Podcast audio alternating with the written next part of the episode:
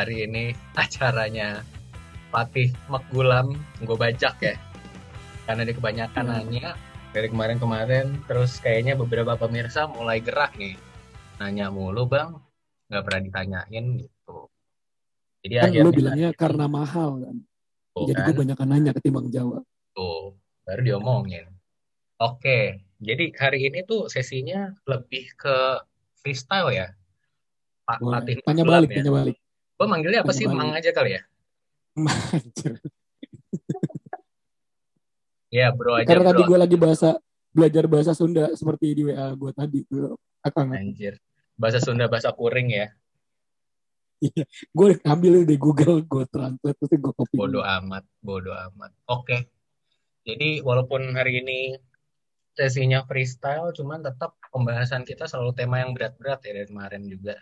Selalu Benar. Tema-tema berat, tapi kita mencoba membawakannya kayak obrolan di mana? Celele. Di gang, di gang. Yo, Celele. Terus yang celele. Iya. Benar-benar. karena backgroundnya mahasiswa yang ini kali ya, mahasiswa yang ada di kantin mulu. Mm-mm. Yang kalau belum diusir, masih tetap di situ. Iya, atau kalau kalau kalau dosen gue khasnya tuh gue datang, coba tolong pintunya tutup dari luar. Anjir. Oh iya siapa? Iya, kayak gitulah ya. Iya. Oke. Jadi hari ini Ngomong apa nih? temanya adalah manajemen konflik. Udah Aduh. puyeng dengarnya anjir, berat bener. Mikirin aja konflik ini. Makanya, gue tuh mikirnya ya manajemen konflik itu apa ya? Kayak orang ditabrak. Kayak misalnya lu bawa mobil terus disenggol Hmm. sama motor. Di situlah lu manajemen konflik. Gimana caranya supaya nggak tabok-tabokan, nggak tendang apa namanya, tendang spion, mecahin Lu- kaca, gitu. Oh, Makanya dibilang coba selesaikan dengan kekeluargaan gitu. Lu mungkin namanya? kebayangnya konflik ini kali pak, konflik konflik culture. Jadi selalu ada unsur kekerasan gitu. Iya sih.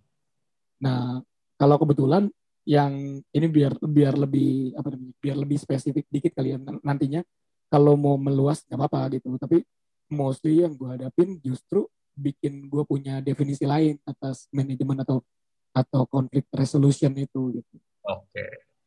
Itu Ya, lebih ya, ya. jadi lebih ke arah kalau gue bilang sih kon, eh, konflik resolution atau manajemen turunannya dari manajemen konflik ini Mhm. lebih ke arah tes buat relationship-nya lu gitu.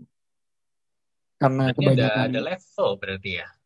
yoi, karena Kayak kebanyakan konflik. nanganin Konflik itu kan kayak ada individu, terus ada organisasi, ada konflik apa namanya antar warga, iya, antar suku, antar suku, iya betul. iya. Nah ini lebih Hmm. ke mana nih kalau kalau yang pengen kita bahas hari ini? Mungkin dari yang lebih gampang kali eh, konflik ini aja konflik. Karena gue nanganinnya bisnis keluarga gitu. Mungkin konflik keluarga aja kali. Tapi keluarga yang spesifik punya bisnis. Keluarga punya bisnis. Berarti Iya. kalau naro lapak di depan rumah tuh perusahaan bisnis lah ya. Bisnis keluarga boleh. Ya, kayak jual pop ice gitu depan rumah Iya. sama Betul. gorengan. Iya. Wah, berarti, punya berarti bisnis keluarga kan? Iya bisnis keluarga. Cuma kan nanti kan levelnya bakalan kita lihat apakah karena goalsnya bisnis keluarga kan ngewarisin sebenarnya. Kalau buat gue nih, Hmm, Goals dari bisnis keluarga itu kenapa dia bisa gede, otherwise kalau enggak biasanya bisnis itu bukan jadi bisnis keluarga kalau gue ngeliatnya. Jadi bis, jadi agak ada anggota keluarga lu yang berbisnis cuma menggunakan eh, apa whether itu aset dari keluarga kalian atau dia memakai anggota anggota keluarganya buat jadi pegawai. Tapi itu bukan bisnis keluarga kalau buat gue nih. Hmm. Nah, bisnis keluarga itu terjadi kalau dia punya goals, ini bakal diwarisin ke second generation-nya gitu, atau future gen- generation-nya. Oke, oke. Mulai, mulai nangkep nih gue. Dari konflik antar warga karena apa namanya RW sebelah ngamilin RW sebelahnya. Iya, Ini sekarang berubah nih jadi jadi lebih lebih ini ya, bisnis yang dikelola bersama oleh anggota keluarga ya. Iya, betul. Oke, lu ada case ini enggak real real case gitu. Contoh kasus konflik keluarga, Oh, eh konflik keluarga, konflik konflik.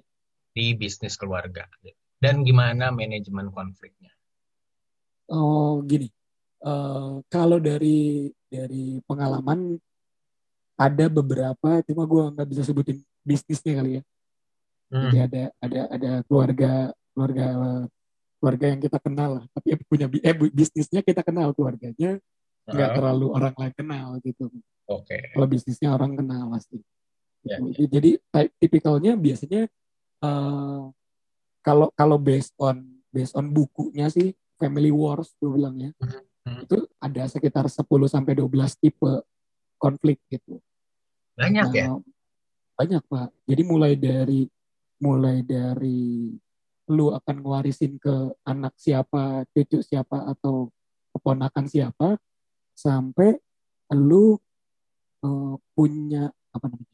sampai kemampuan lu untuk gimana caranya ini visionnya ke mana aja gitu karena bisnisnya dan sampai ke PIC gitu gue kemarin ngebahas gue kemarin nulis salah satu dalam salah satu artikel gue tuh kan suka ada gitu ya orang yang mungkin niatnya ngewarisin ke anaknya gitu atau ke ngewarisin ke cucunya mungkin tapi karena dia dirasa mereka belum siap akhirnya dia punya orang kepercayaan nih yang serasa anaknya sendiri gitu oke okay. itu orang kepercayaan yang serasa cucunya sendiri nah gitu itu kan nantinya tuh kan bakal bakal eskalasinya macam-macam gitu. Iya, iya. Nah, kebetulan nih kalau gue hadapin kalau kalau beberapa waktu yang lalu adalah permasalahan antara kakak beradik dalam sebuah bisnis. Hmm. Gitu. Nah, lucunya ketika lu ngalamin ngalamin sebuah konflik sama kakak atau adik lu dan ketika lu udah berada di organisasi yang lumayan mapan, lumayan gede, lu jadi punya opsi untuk nggak ketemu gitu. Oh, gitu ya. Iya, jadi kalau yang gue hadapin ini jadi uh, nah tinggal guanya nih, guanya mau berperan sebagai penyambung lidah atau gue sebagai mediator. Nah, bedanya apa tuh? Kalau gue sebagai penyambung lidah, gue akan kayak kurir gitu loh. Kata si bapak ini, ibu begini-begini, dan gue cenderung ngilangin fakta yang buruk-buruk, terusnya uh, dapetin esensinya gitu kan, kan esensi esensi dari sebuah pesan kan harusnya dia nggak punya konteks positif atau negatif. Cara hmm. kita memaknainya aja yang jadi positif atau negatif. Nah, kalau gue sebagai uh, messenger, gue make sure itu netral gitu. Jadi mau nggak mau sih hasilnya adalah mereka ketemuan. Cuma mereka tetap punya opsi untuk nggak ketemu sih. Kalau gue ber, bertindak sebagai messenger. Tapi kalau gue dari pertama udah declare gimana caranya, gue tuh jadi wasit kalian nih gitu. tapi kalian tetap ketemu untuk ngobrol itu beda itu gue ngasih okay. type-nya dari dari dua sudut pandang itu ya ya ya walaupun ya, ya gitu kalau dari dari dari pertanyaan tadi itu ya lu jadi punya opsi untuk tidak ketemu which is itu jadi jadi sebenarnya jadi bahaya gitu karena kalau orang lain ngelihat konflik kan sebagai pertempuran gitu ya friksi pertentangan. Tapi sebenarnya kalau lu melihat konflik ini sebagai sebuah tes atas hubungan lu adik dengan adik lu dengan bokap lu itu jadi lain soal gitu. Yang namanya tes buat gua ya harus lulus gitu. Apa pun caranya. Nah ketika lu berhasil lulus ya lu berhasil naikin levelnya lagi gitu. Jadi konflik itu sebenarnya kayak ujian doang sih sebenarnya. Yeah, buat yeah. gua. Tinggal lu mau nyelesainnya butuh wasit butuh mediator or lu prefer untuk ketemu langsung aja gitu tanpa ada yang mediator. Ke situ sih gue ngeliatnya. Hmm ya ya gue agak bingung sih karena gue pikir ya yang namanya konflik. Hmm. atau ya konflik keluarga atau di bisnis keluarga kayak lu tuh menyelesaikannya dengan dengan kekeluargaan sih menurut gue ya. Kayak lu duduk di hmm. meja makan gitu. Terus nanti ada kalau misalnya berantem kakak adik gitu nanti ya, bokap or even nyokap lu akan jadi penengahnya gitu. Terus nanti salaman nangis nangis peluk pelukan namanya juga keluarga kan gitu maksudnya kayak kayak lu baik mau buruk ya tempat kembali lu adalah ke keluarga juga kan. Iya iya. Makanya yang buat berharga ya? Buat gua tuh enggak nggak nggak masuk gitu di di kepala gua. Nggak kebayang ada opsi nggak ketemu gitu. Maksudnya tipe konflik seperti apa gitu? Atau lo ada contoh spesifik nggak konflik seperti apa yang membuat nih antara adik dan kakak jadi punya opsi untuk nggak ketemu? Biasanya sih karena karakter si kakak atau si adiknya bukan karena type of konfliknya kalau gue ngelihatnya hmm, dari gimana? pengalaman gue jadi uh, karakter kakaknya yang mungkin atau karakter adiknya yang mungkin terlalu keras gitu terusnya ngelihat masalah atau atau kesalahan yang dilihat salah satu ini atau salah adiknya misalkan kalau misalkan adiknya bersalah gitu dirasa si kakak gitu itu dilihat sebagai kesalahan yang fatal buat buat kakaknya walaupun buat orang mungkin nggak fatal tapi the way dia ngelihat itu ngelihat masalah itu karena karakter yang dia punya itu mungkin bisa okay. tingkat sensitif itu kan beda-beda orang beda-beda cara dia mandang ya kan pak jadi yeah, yang yeah, mungkin yeah, buat yeah. lo ya santai aja kali belum tentu begitu buat gua hmm. nah ketika uh, masalahnya di gua kayak masalahnya di lo misalkan gitu ya uh, terus gua memaknai masalah itu seperti apa nah, itu yang yang akhirnya Nah, it, uh, jadi beda penerapan cara dia nyelesain masalahnya. Nah, gue ngeliatnya ketika semakin gede bisnisnya atau semakin tua umurnya, dia tuh jadi punya opsi untuk nggak ketemu. Gitu. Kalau lu masih kecil kan lu kayak, ya mau nggak mau lu ketemu teman main lu lagi sob. Karena lu nongkrong di situ kan nggak mungkin lagi lu nindar gitu atau gimana. Gitu. Atau cuma satu kuliah mau nggak mau ya lu maaf-maafan. Lu nggak punya opsi untuk tidak ketemu atau tidak menyelesaikan masalah gitu gue ngeliatnya. Hmm. Nah kalau lu makin tua, makin dewasa gitu ya, bukan makin dewasa, makin tua dan lu punya fasilitas untuk menghindar, lu akan cenderung pakai itu gitu. I see. Nah, Berarti... terusnya kalau nyambung ke tadi yang ke bokap nyokapnya nggak uh bisa menyelesaikan, ya karakternya di situ juga karakter bokap nyokapnya juga mungkin nggak bisa mempertemukan gitu. Ya karena itu butuh orang lah. Gitu. Oke, okay, oke. Okay. Berarti ini ya ada ada unsur memori masa kecil nggak sih yang kebawa gitu loh banyak pak bokap lu kalau kalau punya bokap yang entrepreneur gitu ya pasti lu akan dapat lu akan punya akan punya apa ya punya punya isu yang berbeda dibandingkan bokap lu yang pegawai gitu hmm, ya, karena ya, ya. gue ngeliatnya orang yang bisa jadi entrepreneur atau orang yang business owner bukan orang sembarangan gitu. Artinya bukan sembarangan bisa macam-macam ya. Mungkin bisa di highlight, iya ada sesuatu yang dia pengen buktiin, ada sesuatu yang dia pengen lakuin, punya tujuan sedemikian kuat sehingga dia membuat bisnis gitu. Nah orang tipikal jenis ini apa ya bisa macam-macam gitu penerapannya. Begitu juga ketika anak-anaknya konflik gitu, dia bisa punya bisa punya pandangan yang berbeda. Gitu. Nah, orang yang seperti ini melahirkan anak yang juga nggak akan sama, yang juga nggak akan tipikalnya nggak akan sama kayak anak lainnya gitu gue lihatnya sih. Atau lu paling paling gampang lihat film Godfather deh. Ya ya. Tanpa melihat bisnisnya ya. Tanpa melihat bisnisnya si apa namanya Don Corleone. Iya Corleone itu tapi kan cara dia memanage sesuatu cara dia menyelesaikan sesuatu juga beda begitu juga dengan anak-anaknya gitu makanya uh, kalau damain temen atau damain uh, cowok cewek gitu mungkin nggak akan sama dengan ketika ngedamain atau menjadi mediator konflik di sebuah perusahaan keluarga itu kalau gue ngeliat. Hmm. oke okay, oke. Okay. itu terus ngomongin ini gue gue masih masih mencoba mencerna di bagian bisnis keluarga. Karena gini um, gue tuh harus keluar dari pandangan gue bahwa bisnis keluarga family business itu tuh biasanya dikelolanya based on emosi gitu. Emosional bukan emosi anger ya. Maksudnya emosional. Mm. pengambilan mm. keputusan.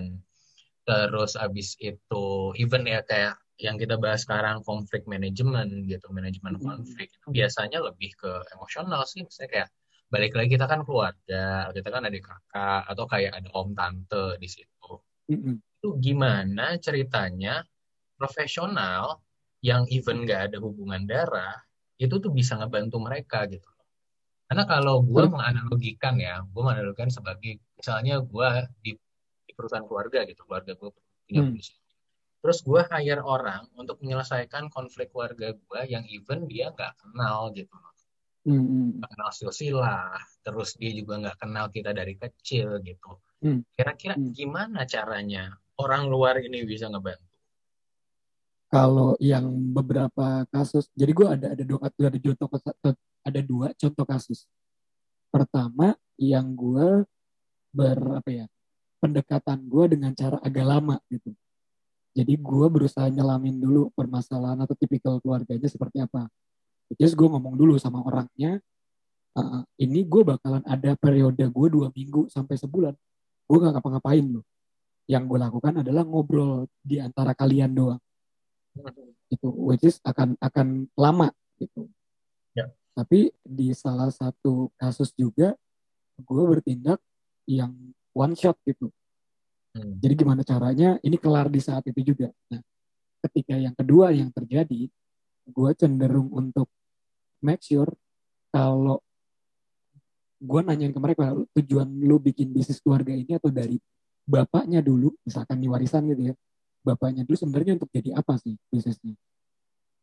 Nah biasanya kalau uh, aim-nya higher gitu, biasanya gue bawa ke arah M-nya gitu. Karena tujuannya sudah sedemikian mulia lu nggak mungkin punya masalah kan sama adik lu atau sama kakak lu. Jadi goal short goalsnya gue tujuannya adalah gimana caranya mereka ngomong ke adiknya atau ke kakaknya ngebuka gitu jadi gue berada di salah satu pihak cuma nanti ketika sama satu pihak yang menjadi musuhnya nih atau jadi lawannya gue akan bilang kalau gue di hire sama orang ini karena dia punya niat baik gitu. Nah, gue tinggal balikin ke ke orang ke orang atau yang jadi lawannya seberapa besar niat baik ini ditangkepin sama lo. Sehingga kita bisa bikin bisa bikin perubahan di sini. Lebih ke arah situnya sih, Pak. Jadi ada dua iya, type. Iya.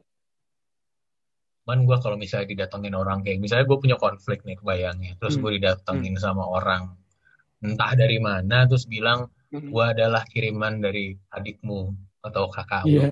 gue langsung apaan sih lo gitu loh ya nggak Iya. sih gitu nggak tahu ini ini Bener. gue gue dari dari dari pandangan gue aja gitu Benar, benar. Tapi nggak ada. Tapi gini, eh, nggak tahu kenapa ya. eh, rata-rata yang yang terjadi gitu ya, asumsi kita nih kadang-kadang jauh berbeda ketika kita ketemu orangnya langsung. hmm. Kalau di posisi gue misalkan lu punya abang gitu ya, terus abang lu ngirim gue gitu. Dalam bayangan gue mungkin gue punya seribu satu lah. Entah gue bakal disiram disiram kuah bakso gitu, Ya. atau tiba-tiba lo nggak mau ditemuin. Ya. Cuma lagi-lagi niat baik dan sikap netral gue kayaknya kalau sejauh ini sih berhasil ngebawa ngebawa sesuatu yang baik gitu. Akhirnya gue bisa gue gue berhasil menemui orangnya Hmm. gitu. Gak tahu kenapa gitu. Gue gue nggak setuju sama orang orangnya bangsat nih, orangnya resek, Ya. orangnya gak tahu kenapa kalau gue kalau gue ketemu gitu ya dengan state enggak lah nggak- itu kan cuma persepsi manusia doang gitu ya. Ya. Jangan-jangan kalau ditemuin orangnya ternyata biasa aja gitu. ya ya Nah gue cenderung sama cenderung sama state itu sih. I see ya Sehingga terjadi ya, percakapan. nangkep nangkep oke Karena bisa ya. macam-macam sih. Karena bisa macam-macam kayak misalkan gue atau misalkan gue janji ngobrol sama lu nih. Hmm. Terus kalau dalam pandangan gue, ah gue lupa lagi marah deh nih orang. Tapi jangan-jangan lu nggak marah gitu. ya ya ya Nah, gue tuh baru baru asumsi ya mikir. Ah, gue baru asumsi mikir. ya Iya, makanya asum, gue punya asumsi. Tapi gue suka bikin asumsi kebalikannya gitu. hmm. Sehingga itu kayaknya udah jadi- ngomongin ke teknik ya ini gue agak-agak miss soalnya Oke. Nih, so- soalnya gini, lu ini kan sempat ngasih challenge nih ke Hmm. ke apa namanya beberapa family business ya, bahwa Iya. lu bisa menyelesaikan konflik mereka Nah, dalam kurun waktu maksimal dua setengah jam. Iya. Selesai, gitu. Iya. Nah ini sebenarnya kalau ngomongin ngomongin mampu atau nggak mampu atau bisa atau nggak bisa kalau dari pengalaman lo yang udah handle konflik seperti ini Hmm. sebenarnya itu gimana sih? eh, kalau gimana sihnya mengarah menjelaskan keseluruhan, mungkin ya itu kalau gue selalu kan gue selalu berada di posisi dipanggil sama siapapunnya gitu. Jadi Iya, gue nggak nggak kayak kalau misalkan mereka berdua nih memanggil Iya. gue gue akan beruntung gitu. Karena artinya gue nggak perlu menjembatani yang lain iya, lagi gitu. iya. jadi ada ada fase ada fase kontrak kali ya. Ada fase yang building trustnya itu gue udah udah udah nggak perlu lakukan itu lagi. Iya, cuma kalau di posisi yang kayak cuma sayangnya gue selalu ada di posisi yang kayak lo tadi ceritain. Iya kan? gitu. Jadi gue selalu di posisi si A lah anggaplah yang berpikir gue punya masalah eh, dengan salah satu anggota keluarga dan impactnya ke perusahaan keluarga kita. Ya. Nah, jadi dua setengah jam atau tiga setengah jamnya itu tanpa dihitungnya dulu gue ngobrol dulu nih sama orangnya dulu nih pak Hmm. gitu jadi tiga setengah jam atau dua setengah jam itu adalah eksekusinya nanti kita ketika ketemuan I see. gitu Ya, ya. karena kalau misalkan ya bisa aja sih karena ini kan kayak kayak lu tanding bola ya tanding bola tanpa ada pengaturan skor gitu Ya. apa pun bisa terjadi dalam dua kali 45 menit Yep. cuma kita mesti make sure dulu nih salah satu tim eh dua dua dua duanya ini datang nggak salah satu tim tiba-tiba out gitu atau walk out gitu jadi gue mesti make sure kedua tim datang dan sadar gue bertindak sebagai wasit. Nah biasanya challenge-nya adalah itu. Jadi kalau misalkan satu orang cerita ya of course nggak itu belum belum dihitung dalam sesinya ya. Biasanya mereka cerita dulu, terus kemudian bikin sesinya. Karena kalau ya itu balik lagi ke tujuannya kalau memang tujuannya ke perusahaan keluarganya mereka gitu sedemikian penting biasanya ini akan dibawa gitu, akan dianggap penting juga gitu. Lu kan nggak akan nganggap penting sesuatu.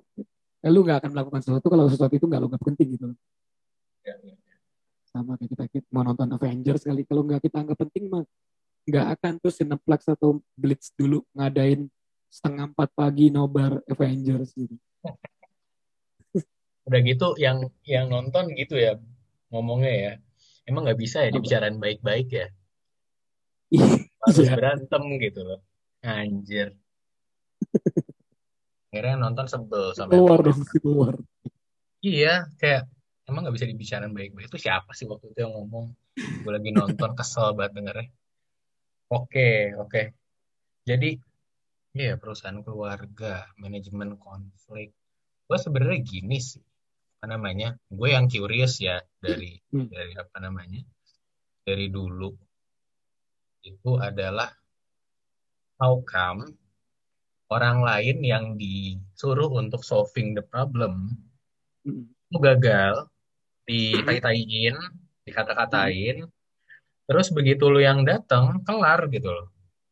Gue masih bingung di situ maksudnya apa sih yang ada di pikiran lu pada saat pada saat datang ke mereka gitu approach knowing bahwa orang lain tuh gagal gitu. Mm. Apa yang ada di Kalau pikiran lu pada saat datang?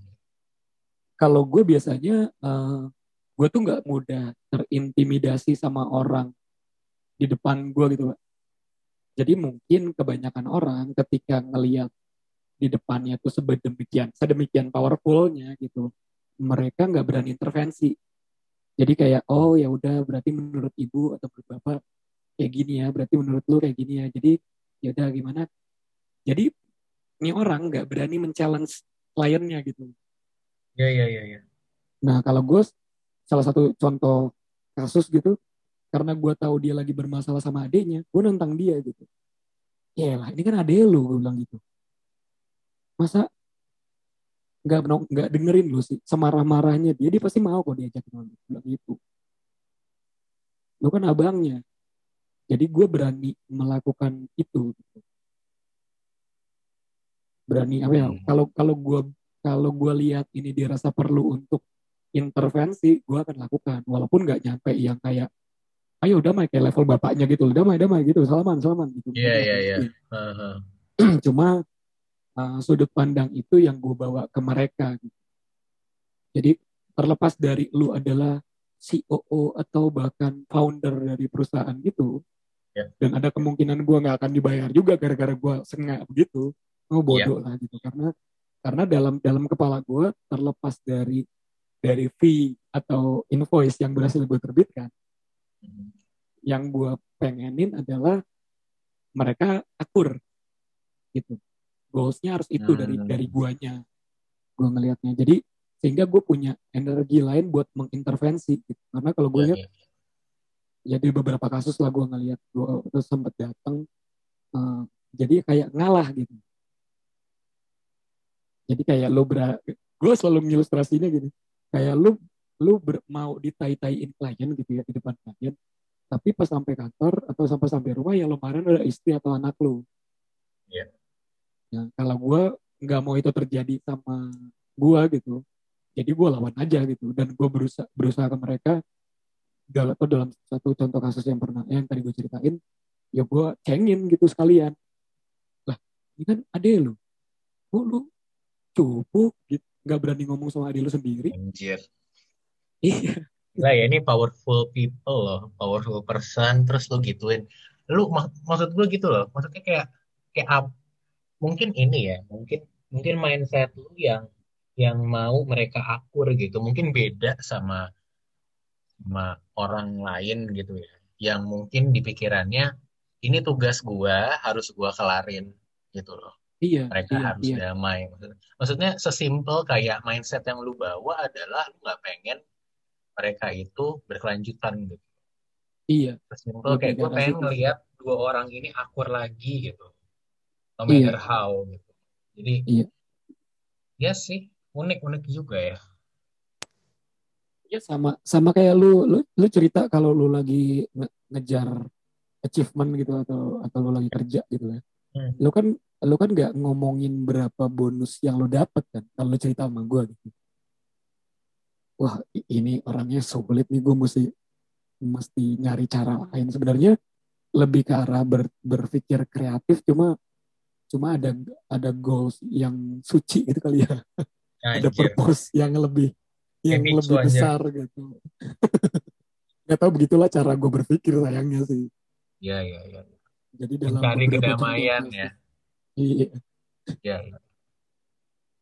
Menarik, situ Terus dari dari misi suci lo ini, Iya. yang gua nggak kebayang, ini tuh ternyata bisa bisa ini loh, bisa impact-nya itu bisa bisa gede gitu loh. Maksudnya impact gede di sini adalah benar-benar lu membuktikan bahwa hal yang nggak bisa dilakuin sama orang lain dan mungkin kelihatannya kayak mungkin orang jiper duluan kali ya ngadepin powerful person or public Hmm. figure yang lu aja kalau salaman mungkin gemeter tapi karena Hmm. niat lu adalah gue pengen bikin mereka akur karena ya ya pengen mereka akur aja mungkin simple simple purpose yang lu bawa itu yang bikin mereka luluh atau apa gue nggak tahu ya mungkin ya Iya, kar- karena gue nggak nggak sepenuhnya seperti itu melulu pak. Karena kalau misalkan gue ketemu powerful personnya dalam rangka gue jualan, mungkin gue ada ngepernya. Ya, misalnya Ya. saya nggak mau nanti eh, produk saya begini, misalkan gitu ya. Misalkan gue jadi anak agency kayak lu dulu, ya gue Hmm. bakal nurut gitu. Karena gue ngelihatnya eh, sudut pandang gue lagi mikirin servis apa yang tepat gitu. Nah kalau misalkan dalam rangka mendamaikan konflik, bukan servis seperti itu yang gue bawa gitu. I see. Karena kalau mereka sampai ngulur-ngulur waktu, itu malah gue yang nggak perform gitu. Kan perform gue diukur berdasarkan kedamaian tercipta gitu. Atau Anjay. atau sekalian aja pecah gitu. Gue mikirnya malah kayak gitu dulu. berat bos Jadi udah, iya jadi lu mending- mendingan salah satu dari kalian keluar deh gitu. Daripada lu ngeberantakin gitu. Terusnya akhirnya mereka jadi mikir kan, karena gue make make cara apa ya, reverse psychology kali ya, kebalikannya gitu. Ya kalau lu mau berantem berdua berantem lah. Terus tapi me- terakhirnya adalah salah satu di antara kalian harus keluar dari dari perusahaan ini. Hmm. Karena kalau kalian ngebawa pertandingan atau pergelutan kalian ke perusahaan ini, yang pecah adalah perusahaannya. ya ya ya Terus jadi akhirnya mereka, konteks konteks lu bawa terus ke situ ya iya, iya, konteksnya oke penting. ya ya karena kalau misalnya lu nggak bawa konteks bisnis di kepalanya yang berkonflik mungkin lagi berpikir dulu mainan gue sering direbut sama dia Iya, sekarang gue udah dia. punya istri gue udah punya Iya. anak gua nggak bisa mainan gua direbut kayak gini. Iya. iya. Padahal, padahal kalau dia ngelihat dari kacamata bisnis, itu bukan tentang mainan direbut atau enggak gitu loh. Ini masalah bisnis harus jalan terus gitu. Betul. Karena gue Iya lagi kan? nanganin kasus yang kayak gitu, Pak. Jadi mereka nggak Oke. nggak pernah nggak akan pernah ngobrol lagi selamanya, tapi mereka punya perjanjian untuk tidak merusak perusahaan ini, gitu. Iya, iya, iya. iya. Ya, sekalian aja gitu kan. Lu nggak mau nggak mau ngobrol nih, oke anggap aja ribut sekalian. Sip. Tapi kita bikin perjanjian. Jadi outputnya adalah bikin pagar sekalian. Gitu. Agak ini ya, agak-agak beda treatmentnya sama kalau lu treatment profesional mungkin ya, gitu loh. Iya. Karena ini ada memori masa lalu gitu loh yang dibawa yang ya again gini loh. Orang bilang kita harus ngambil putusan objektif based on data dan lain-lain. Tapi kan lu tahu kan, Mm-mm. manusia kan makhluk purba gitu. Otak Iya, nggak betul. berevolusi gitu. Gitu-gitu Iya. aja gitu. Dengan tipuan yang sama di pemasaran, orang tetap aja kena Iya. kejebak yang namanya urgency kayak eh, hanya hari ini gitu loh. Yang ketipu tuh dari tahun jebot juga ada kan. Ketipu sama diskon 90 plus 10 yang gitu. Jadi jadi sebetulnya ya itu karena mereka mungkin punya memori masa lalu yang yang mungkin isi kepala susah ya dihapus ya. Jadi ketika ngomongin ke ranah bisnis di kepalanya mungkin kebayang memori mainan lagi direbut gitu loh. Iya, iya. Akhirnya objektivitas jelas hilang. Yang di Iya. kepala dia adalah gua nggak bisa lagi diginiin gitu loh. Nah, gue gue notice itu pada saat misalkan gue lagi wawancarin yang yang memanggil gue lah. Hmm. Jadi dia ngomong, dia emang kayak gini pak dari kecil aja. Nah itu dia. Hmm.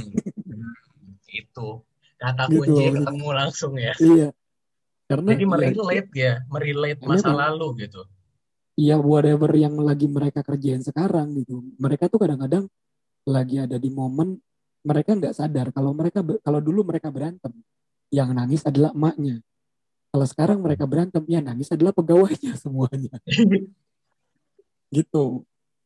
Mereka Iya, tuh nggak nggak iya, nyadar nggak nyadar sampai segitu. Gitu. Kayak, kayak model Civil War lah. Tony Stark Iya, iya. ribut sama Captain America. Kalau dulu mah mungkin mungkin cuma keributan anak-anak doang. Tapi begitu mereka udah jadi hero, ketika Hmm. mereka ribut, yang datang Thanos kan. Iya, iya, iya. Gitu gue ngeliatnya sih. Ya karena ya proper proper mindset kali ya dari bisnis. Menarik, menarik. Oke. Terus apa ya? Mungkin ini gua kepikiran pertanyaan Hmm. penutup sih. Siap. Kalau misalnya lu punya kemampuan untuk manajemen konflik, konteksnya di perusahaan keluarga, dan dibuktikan dengan memang pengalaman lu gitu loh. Maksudnya lu bukan, gua ngelihat lu bukan tipikal yang book smart gitu loh.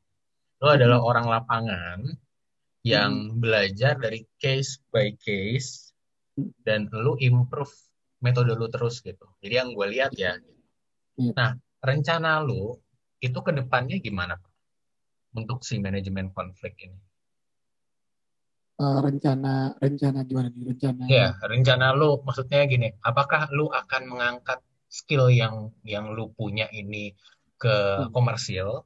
Maksudnya lu ngebantu keluarga-keluarga yang punya masalah atau lu mendonasikan manfaat lu apa namanya kemampuan kemampuan lu ini untuk membantu apa namanya perusahaan-perusahaan lagi berkonflik atau gimana? Iya biasanya kalau gue sih bukan rencana sih karena sedang gue lakukan gitu. Oh, oke. Eh, mostly sih yang yang yang terjadi adalah nggak tahu ya gue gue tuh selalu balik laginya tuh mungkin karena jumlah perusahaan keluarga di Indonesia banyak kali ya atau Hmm. mostly eh, orang Indonesia pada berbisnis gitu cuma nanti tinggal levelnya aja Eh, ada level yang gede banget itu perusahaannya ada level yang yang mungkin yang level baru level rumahan gitu atau menengah Hmm. tapi eh, mostly akan jadi bukan ke depannya rencana sekarang dan ke depannya adalah menjadi service gitu. menjadi I service yang mungkin kalau orang manggil konsultan untuk business advising gitu ya Ya. nah orang manggil gue untuk conflict resolution gitu Hmm, ya ya ya menarik. konflik gitu. Ya ya. Memang spesialis berarti ya. Jatuhnya tuh spesialisasinya adalah conflict resolution. Iya. Gitu. Kalau kalau sebenarnya kalau gue ke, ke arah aspek yang jadi kalau gue ngeliat connecting the dot-nya gitu ya. Mm-hmm. gue ini uh, masuk masuk ke manajemen konflik ini memang tanpa sengaja. Jadi gue kayak pertama gue sekolah, gue pernah sekolah di bisnis manajemen gitu lah, bisnis administration. Terus kemudian gue nekunin uh, kombis, komunikasi bisnis. Yeah. Terus stage selanjutnya gue nekunin tentang manusia gitu, ekologi manusianya. Nah di dalam satu ceruk itu dalam uh, dalam human development itu ada konflik manajemen gitu ternyata pak. Hmm walaupun gue nggak sadarin cuma skill yang skill yang gue bangun adalah skill komunikasi yang mengarah ke arah sana gitu makanya gue pilih untuk ke perusahaan keluarga karena background gue juga dari apa namanya uh, bisnis ngurus-ngurusin bisnis juga. Gitu. cuma gue ngelihatnya bisnis lu nggak bakalan jalan nggak bakalan punya impact lebih besar atau lu nggak bakal bisa nerusin nih bisnis kalau tesnya nggak selesai gitu. Nah tes itu adalah bentuknya adalah konflik. Gue ngelihatnya. Jadi kayak manggil kayak manggil guru bimbel untuk ngelewatin tes. Walaupun yang sebenarnya akan mengerjakan tesnya adalah orang itu sendiri ya benar Cuma gue bertindak sebagai guru bimbel dari entah primagama atau mana gitu ya, ya. yang dipanggil untuk kisi-kisi atau kayak ini ya kayak private trainer aja lah kalau di gym ya iya uh -uh. lu masuk gendut pengennya keluar six pack gitu iya betul terus kalau pakai PT Iya. Urusan nanti lu keluar tetap gendut, makin gendut atau jadi sebenarnya kan motivasi diri sendiri ya. Betul. Makanya lu adalah pihak yang ngebantu ngeliatin jalannya gitu. Kalau lu pengen iya. dan komit ini jalannya kayak iya. gini. Iya. Makanya nggak itu nggak akan terjadi kalau misalkan elonya sendiri nggak apa ya nggak komit sama sama apa yang lo pengen dapat gitu. Ya.